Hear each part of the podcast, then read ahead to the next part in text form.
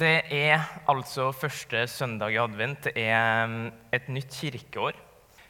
Og adventstida skal på en særlig måte rette fokuset vårt imot han vi venter på. Hvem var det her barnet som ble lagt i en krybbe? Hvem var han, og hva kom han for å gjøre? Så Vi venter på feiringa av Jesu første komme. og Samtidig så er adventstida en tid der vi nå lever i en ventetid mot Jesu andre komme, at han skal komme igjen. Kongenes konge skal komme igjen for å sette alt i rett stand, for å gjenopprette synda sine konsekvenser, alle syndens konsekvenser, og skape en evig fred. En ny himmel og en ny jord. Um, vi skal lese dagens tekst, som er henta fra Lukas 4, kapittel, ja, kapittel 4, vers 16-22. Det er noe som ofte blir omtalt som Jesu programtale. Med andre ord så er mye av fokuset det på hvem var Jesus, hvem var, hvem var det her barnet som ble lagt i en krybbe, og hva kom han for å gjøre? Og Samtidig så har jo det han kom for å gjøre, noe å si for det vi venter på Jesu gjenkomst. Um, konteksten for dagens tekst er altså at Jesus han kommer tilbake til sitt hjemsted, til Nasaret, etter at ryktet om han for alvor hadde begynt å spre seg. Vi skal lese nå dagens tekst fra Lukas 4, og dere skal få lov til å reise dere.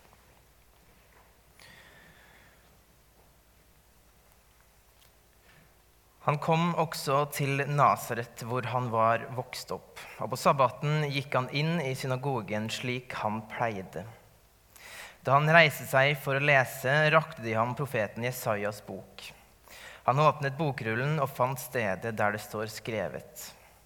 Herrens ånd er over meg, for han har salvet meg til å forkynne et godt budskap for fattige. Han har sendt meg for å rope ut at fanger skal få frihet, og blinde få synet igjen, for å sette undertrykte fri og rope ut et nådens år fra Herren. Så rullet han bokrullen sammen, rakte den til synagogetjeneren og satte seg. Alle i synagogen stirret spent på ham. Han begynte da med å si, I dag er dette skriftordet blitt oppfylt mens dere hørte på.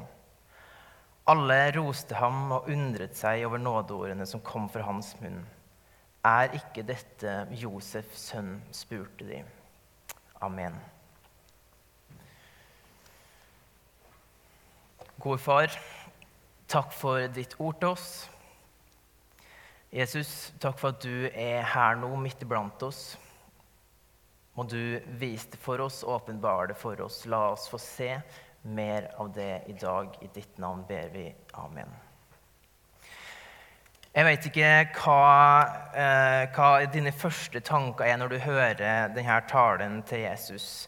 Med et overfladisk, raskt blikk så kan man kanskje få assosiasjoner til en programtale for eller annen, et eller annet sosialdemokratisk parti, hvis man tolker det veldig dennesidig. Eh, så kan jeg avsløre allerede her og nå at eh, det ligger noe langt dypere her i Jesu programtale enn som så. I den teksten her så ligger evangeliet. Her ligger det at Jesus er det eneste håpet. At når alt kommer til alt, så det er Jesus det handler om. Alt handler om Han. Og når alt kommer til alt, så vil alt dreie seg om hvorvidt du har fått tatt imot det Jesus taler om her.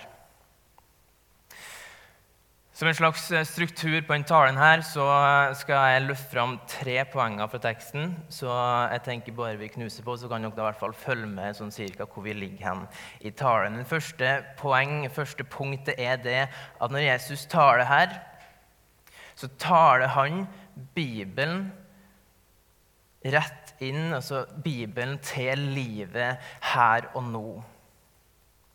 Fordi selve settinga som skjer her i synagogen, den var nok vanlig for de aller fleste jøder på den tida her. De var vant med det at det kom noen, gjerne da en skriftlærer eller fariseer, som kom og leste noe fra Moses eller Jesaja eller annen profetlitteratur. Og jeg tipper de var vant med eh, taler som enten har omhandla profetier fra fortida, og kanskje da løfter om fremtida, men som kanskje da etterlater tilhørerne med et spørsmål ok, eh, profetier for fortida, løfter om framtida. Her er vi her og nå. Hva i alle dager har det her med meg å gjøre? Og Kanskje det er en fare ved forkynnelse at man kan sitte og tenke hva har det her med meg å gjøre? Hva forskjell betyr det her for meg i dag? Forhåpentligvis er det ikke veldig mange taler som er slik i misjonssalen, men det er farlig å si når man står her. Eh, men nå har jeg i hvert fall sagt det. Men hva er det som skjer i teksten vår i dag? Når Jesus da løfter fram en profeti for Jesaja jo, han proklamerer det at i dag er det her skriftordet blitt oppfylt mens dere hørte på. Profetier fra fortida, løfter for framtida. Det blir gaver for nåtida gjennom Han som taler. Fordi Han som taler, er Han som alle løfter har fått sitt ja og amen i og ved. Fordi det er Han de har venta på. Det er han som skal utgjøre forskjellen. Kanskje ikke som de hadde forventa, men da egentlig overgår all deres forventning, langt forbi deres forventninger. Og jeg tror her så er det noe å lære for oss alle. Både for oss som forkynner en gang i ny og ne eller masse, men òg for alle som bare får helse til Bibelen, til forkynnelse, altså alle kristne. Vi som er kalt for å vitne, kalt til å vitne for hverandre. Fordi greia er den at ordet gjennom Jesus er oss nært. Det er Jesus som forandrer alt. Det er han alt handler om. Fordi det Jesus gjør, det er at han tar ordet som var skrevet den gang da, og så tar han det videre til her og nå. Jesu budskap var ikke bare det at Gud har gjort store ting for andre, men at den Gud som har gjort store ting for andre opp gjennom historien, han er klar for å gjøre store ting for dem som hørte på der og da. Og det Gud skal gjøre og vil gjøre, det skal han gjøre gjennom Jesus. Og det bør, tror jeg, skape en forventning til oss her og nå. Fordi Jesus her og nå er klar for å gjøre store ting for det. Han sa i dag er dette skriftordet blitt oppfylt. Han som oppfyller, er kommet. Så når vi møter da Gud gjennom forkynnelse, bibellesning, sang osv., så, videre, så fortsetter ordet å oppfylles gjennom Jesus. Jesus han talte om at han er salva for, for, å forkynne et godt budskap for fattige, sette fanger i frihet, gi synet tilbake og sette undertrykte fri. Og når han sa det og sier det i dag, så kan du ta til deg det her og nå, her i dag. Altså at Gud, som er uendelig stor, uendelig god, som har gjort så mange gode ting for mennesker opp gjennom historien, han er her nå og sier det her til det. Han er klar for å gjøre det her for det i dag. Han er klar for å forandre det. Han er klar for å hjelpe det, for å komme det nær. Gud er klar for å komme det nær gjennom Jesus. Og folkens, han er midt iblant oss her og nå. Han er klar for å komme det nær, for å gjøre store ting for det, for å forandre det. Det skjer her og nå ved kraften i Guds ord. Og jeg tror det skal få lov til å prege oss i langt større grad enn det det gjør. Prege oss i det at vi har en forventning til hva Jesus, hva Gud har lyst til å gjøre og skape ved sitt ord prege oss en forventning til hva Gud har lyst til å gjøre i en tid som det her, i misjonssalen, i byen vår, i landet vårt, i verden. Jesus han talte ikke bare om hvordan alt var bedre før da han kom til Nasaret. Det var ikke en sånn nostalgitale. Han kunne lett ha gjort det, men man kan se for seg det at Jesus kommer til Nasaret. Og så sier han ja, nei, var, eh, alt var bedre før.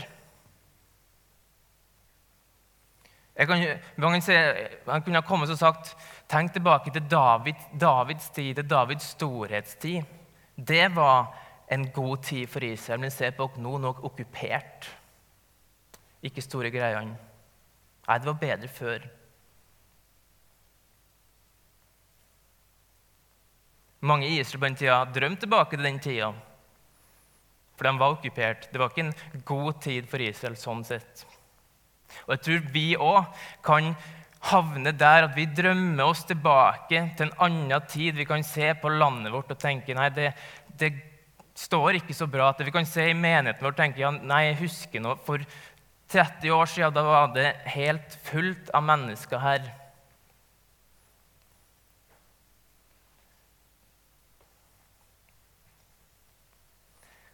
Men Jesus er midt iblant oss, her og nå.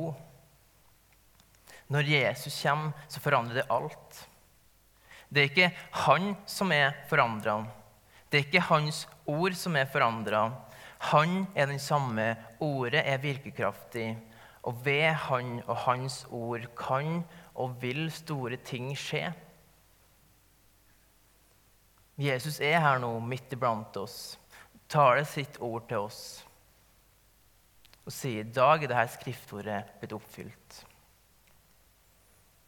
Ved Jesu inntreden oppfylles Guds løfter for det, for meg, for menneskene vi lever rundt. Dette bør gi oss håp og frimodighet på våre, egne vegne, på misjonssalens vegne, på Misjonssambandets vegne inn i tida vi lever i. Fordi det her er ikke forandra. Det her er like virkekraftig. Kanskje skal vi våge å be om vekkelse. Om at Gud får lov til å komme oss nær gjennom Jesus. Og skape noe nytt skape forandring. At vi skal be om vekkelse. Og så skal vi også være så frimodige at vi ber Gud, send vekkelse, men start med meg. Start med oss. Kom du oss nær, Jesus. Sett oss i frihet.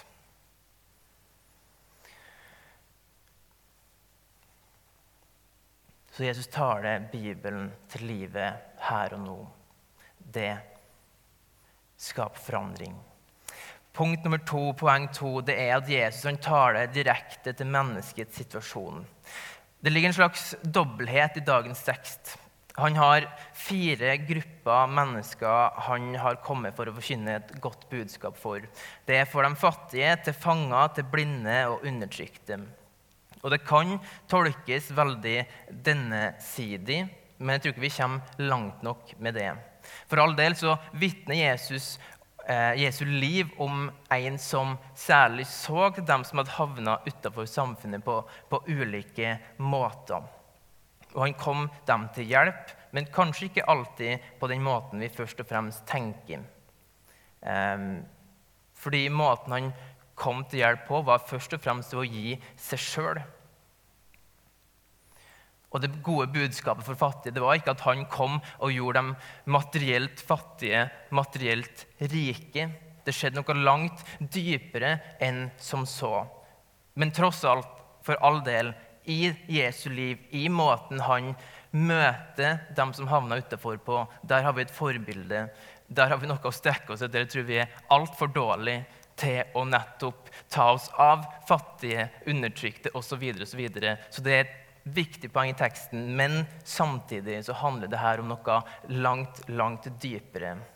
Fordi det, de her kategoriene de handler om vår, min og din og menneskets tilstand overfor Gud. De fire kategoriene her brukes nettopp av Bibelen til å forklare det her.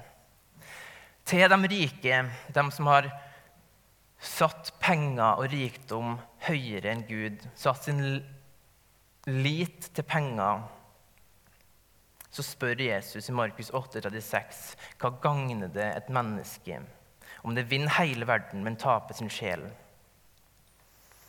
Til dem som er vel stolt over sin egen frihet, sin egen verdighet, så sier han den som gjør synd, er slave under synda. Det er dem som tror at de kan finne sin egen vei til Gud, at de kan eh, ja, finne sin egen vei til Gud, så, så sier Paulus for denne verdens Gud har blindet de vantros sinn.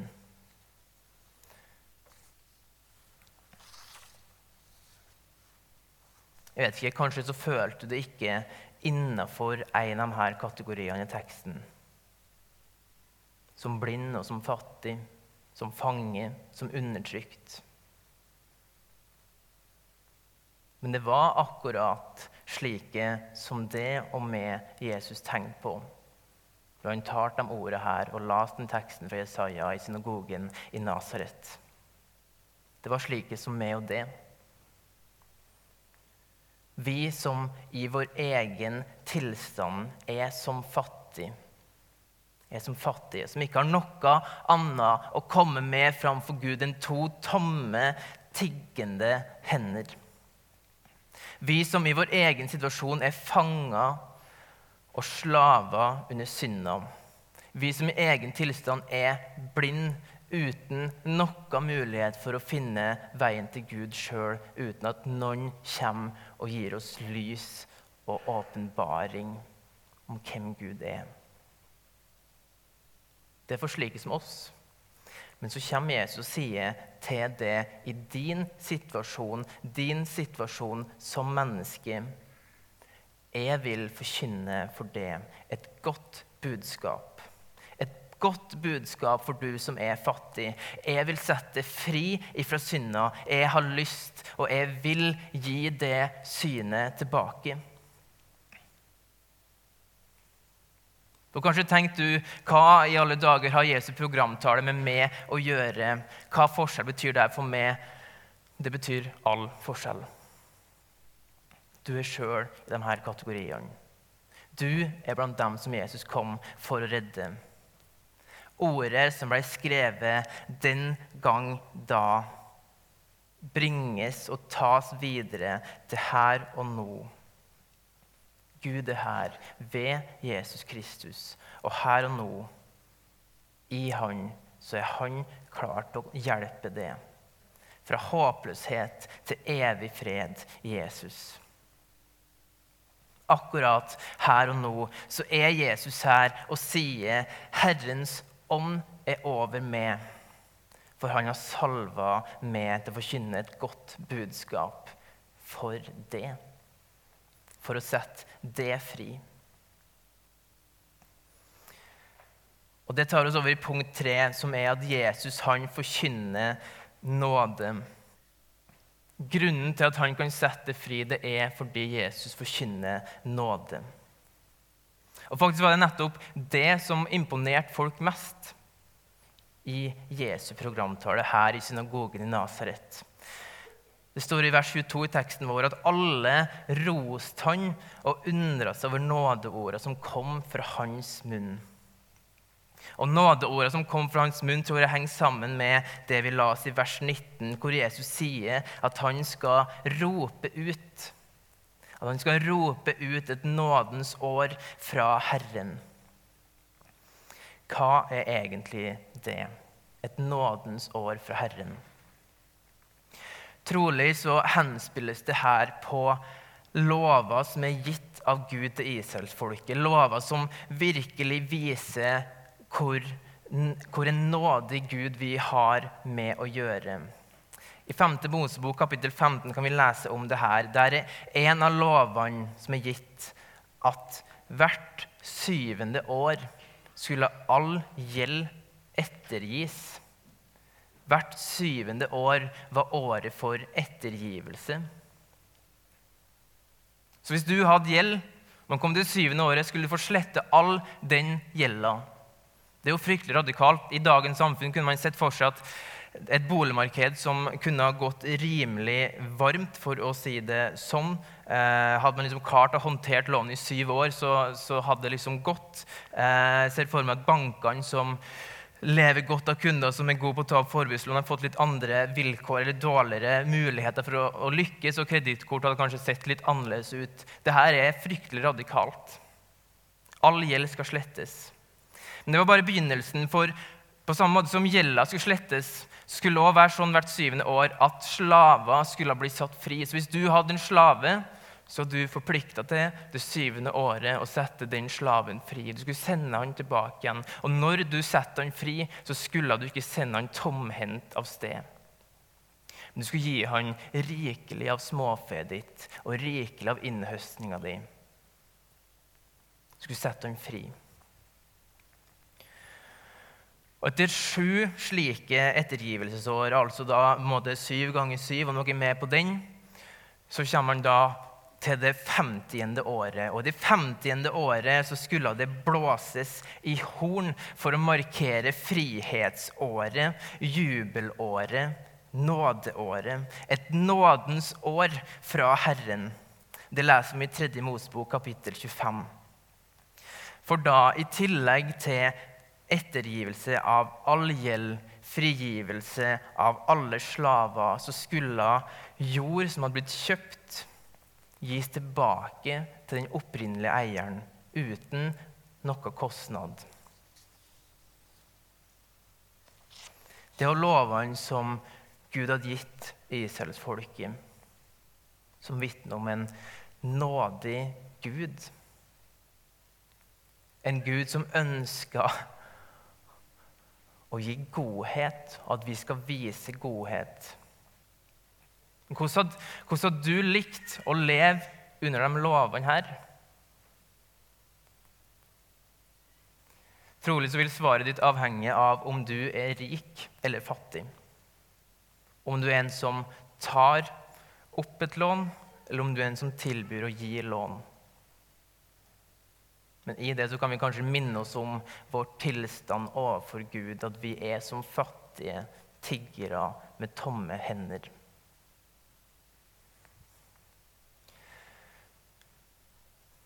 Og så kan vi spørre oss hvor ofte tror vi at dette jubelåret, dette nådeåret, skjedde? Muligens aldri. Det er iallfall mange teologer som hevder det, at det her aldri skjedde. Og Hvis det er tilfellet, så er det ikke veldig vanskelig å forstå hvorfor.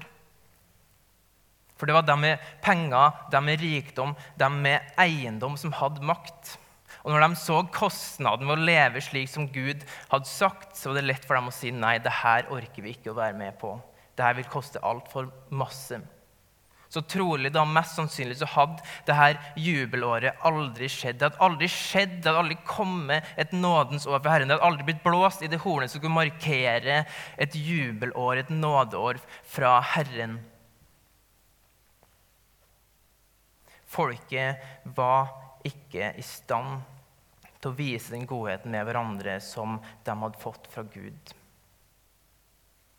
Så trolig hadde ingen i Israels historie vært i nærheten av å oppfylle Guds nådefulle lov på det området her. Guds nådefulle lov og løfte inntil den dagen Jesus, den dagen i Nasaret, i synagogen, går inn for gitt bokrullen fra Isaiah. Åpna der Isaiah profeterer om et nådens år fra Herren og erklærer at Herrens ånd er over med, for han har salva med, for å rope ut et nådens år fra Herren.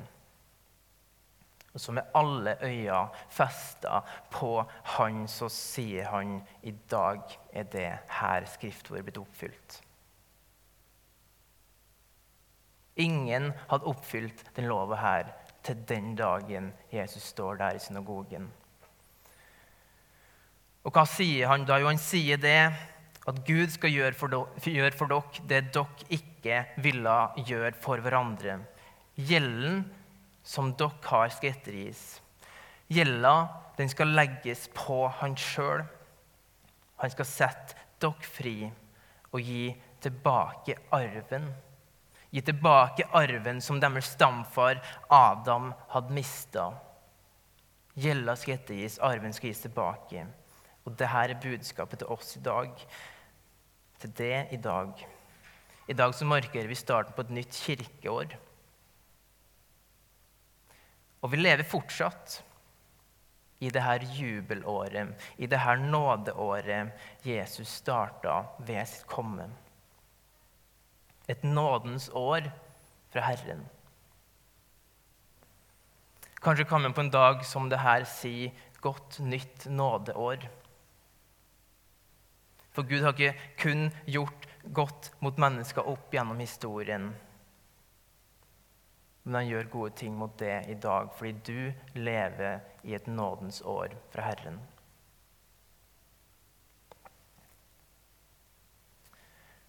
Det er nådebudskapet som ligger i denne teksten her. Budskapet som er et godt budskap for oss. Et budskap som velsigner oss. Samtidig er det her budskapet som kosta Jesus alt. Hvis du ettergir en gjeld på 10 000 kroner, så taper du 10 000 kroner. Når Gud ettergir din gjeld, så tar han din gjeld på seg. Han tar tapet på seg sjøl. Han opptar tapet i sitt vesen. Derfor så gikk Jesu vei fra en krybbe til et kors. Jesus bar tapet for å ettergi gjelda di. Gud ettergir de i Kristus Jesus. Gud gir tapt arv tilbake i Kristus Jesus. Det er evangeliet. Å forkynne og proklamere det her, det var helt sentralt i forkynnelsen og budskapet til han som selv betalte prisen.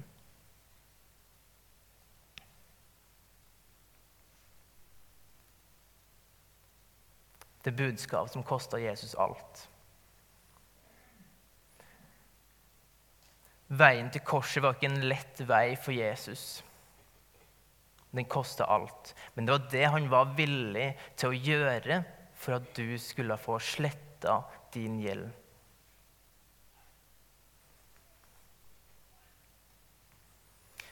Vi lever i en nådetid takket være Jesus, hans komme, hans budskap, hans gjerning. Fordi vi lever i et nådeår fordi at han betalte prisen for din gjeld. Og I starten på et nytt nådeår kanskje skal vi koste på oss noen refleksjoner, slik vi gjerne gjør når vi går over til et nytt år. Det er det vi ofte gjør ved overgangen til et nytt år. Jeg vet ikke hvor du er i livet ditt med Gud, hvor du er i forhold til Gud. Men kanskje skal dette året være det året du takker ja til Jesus for første gang der du får strekke to tomme hender ut og motta alt fra Han. Og du skal få lov til å motta det at gjelda di den er betalt en gang for alle. Det er mulig for det fordi vi lever i et nådens år fra Herren. Kanskje så trenger du å fornye din bekjennelse. Kanskje trenger du at dette nådeåret brukes å si ja til Jesus på nytt. Og det er mulig fordi vi lever i et nådens år fra Herren. Kanskje har du levd hos Jesus i mange år, og kanskje gjelder det de aller fleste av dere som sitter her i dag. Du har levd hos Jesus, hos han, i mange, mange år. Men kanskje kjenner du på det at med de åra her så har takknemligheten din sunket med åra som har gått. Kanskje skal det nådeåret vi nå går inn i, være et år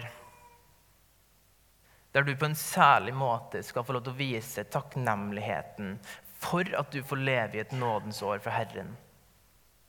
At dette blir et år der du hver dag med takknemlig blikk på korset får lov til å se dit, se dit der din gjeld ble betalt, gjort opp for, ettergitt. Der du ble satt i frihet. At dette året skal du få lov til å